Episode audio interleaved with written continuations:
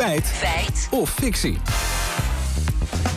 Ja, Lieke, nu gaan we het dan hebben over spandoeken en demonstraties in Polen. Ja, dat klopt, want in het land demonstreren ze tegen de uitholling van de democratie.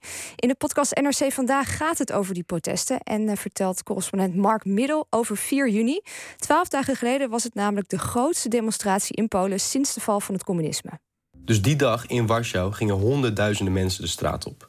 En de organisatie die sprak zelfs van een half miljoen. En dat is niet heel normaal in Polen, want Polen gaan niet zo snel de straat op. Ze laten elkaar met rust. Ze zijn niet echt heel erg mensen die nou, met minst of geringst de straat op gaan.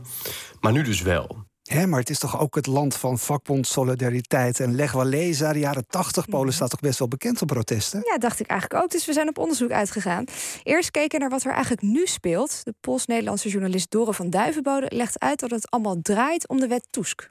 Die is in het leven geroepen door de regering om de Russische invloed te onderzoeken. En dat betekent dat mocht je van spionage van Rusland worden beschuldigd, dan mag je tien jaar geen politiek ambt vervullen.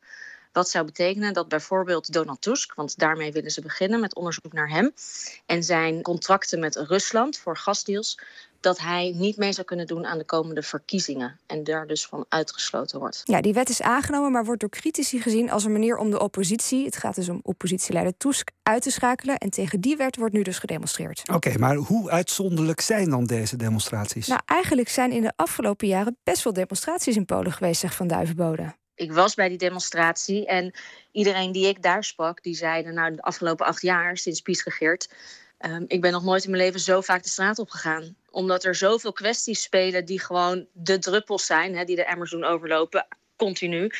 En dus er zijn wel mensen die heel vaak de straat op gaan. Oké, dus best wel een demonstrerend volk. Nou, alleen als het echt nodig is, legt Polen-correspondent Ekke Overbeek uit.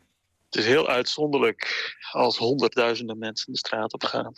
Dat komt in Polen echt heel, heel zelden voor. Het, Polen zijn ja, niet snel met demonstreren. Dat wil zeggen, er zijn kleine groepen die wel heel actief zijn. Maar een echt honderdduizenden mensen die, op, die de straat op gaan, dat is echt heel, heel zeldzaam. Ja, en als ze dan gaan, gaan ze niet met heel veel, zegt Overbeek. Honderdduizenden is eigenlijk nog altijd niet heel veel. Als je nagaat dat Polen 38 miljoen inwoners heeft. dus dan is een paar honderdduizend voor zoiets heftig, zoals het afbreken van de rechtsstaat, uh, een aanval op de democratie, want zo zien de demonstranten dat, uh, is dan eigenlijk nog niet heel veel.